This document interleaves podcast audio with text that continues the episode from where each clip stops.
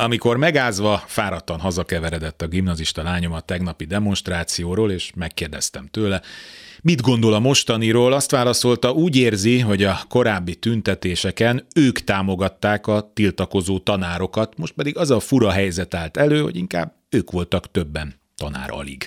Egy 16 évesnek nehéz elvenni a kedvéd attól, hogy kiálljon az igazságtalanság ellen, de már ő is elgondolkodott azon, hogy így ennek mi értelme van. Ha a pedagógusok nem állnak ki magukért és egymásért, akkor ők még mit tehetnek? A karmelitánál még a könyvgázból is kapott, pedig csak hátul átsorgott más gyerekekkel, két tíz év körül itt a saját kabátjával letakarva menekített ki. Itt rátérhetünk arra, hogy miért kellett ennek az egésznek összekeverednie a kordonbontásos akcióval, miért kellett erre az amúgy is bánatosra sikeredett felvonulásra ráépíteni egy még gyengébb politikai akciót, amivel csak azt a kormányzati narratívát erősítik, hogy ez egy ellenzéki ármánykodás, semmi köze a közoktatáshoz.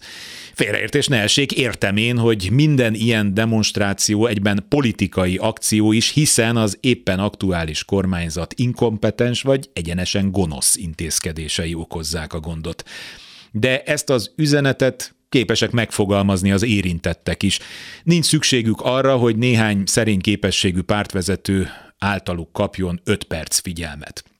Visszatérve a tanárokra, több mint százezerből csak mondjuk 30-40 ezernek kellene azt mondania, hogy itt a vége. Addig nem dolgozunk, ameddig nem tárgyalnak velünk érdemben. Ennyi embert nem lehetne kirúgni, nem lehetne megfélemlíteni.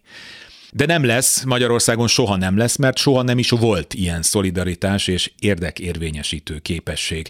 Tehát tisztelet a kevés hősnek, akiknek az áldozat vállalása a semmibe vész, feledésbe merül. Minden megy tovább, ahogy eddig.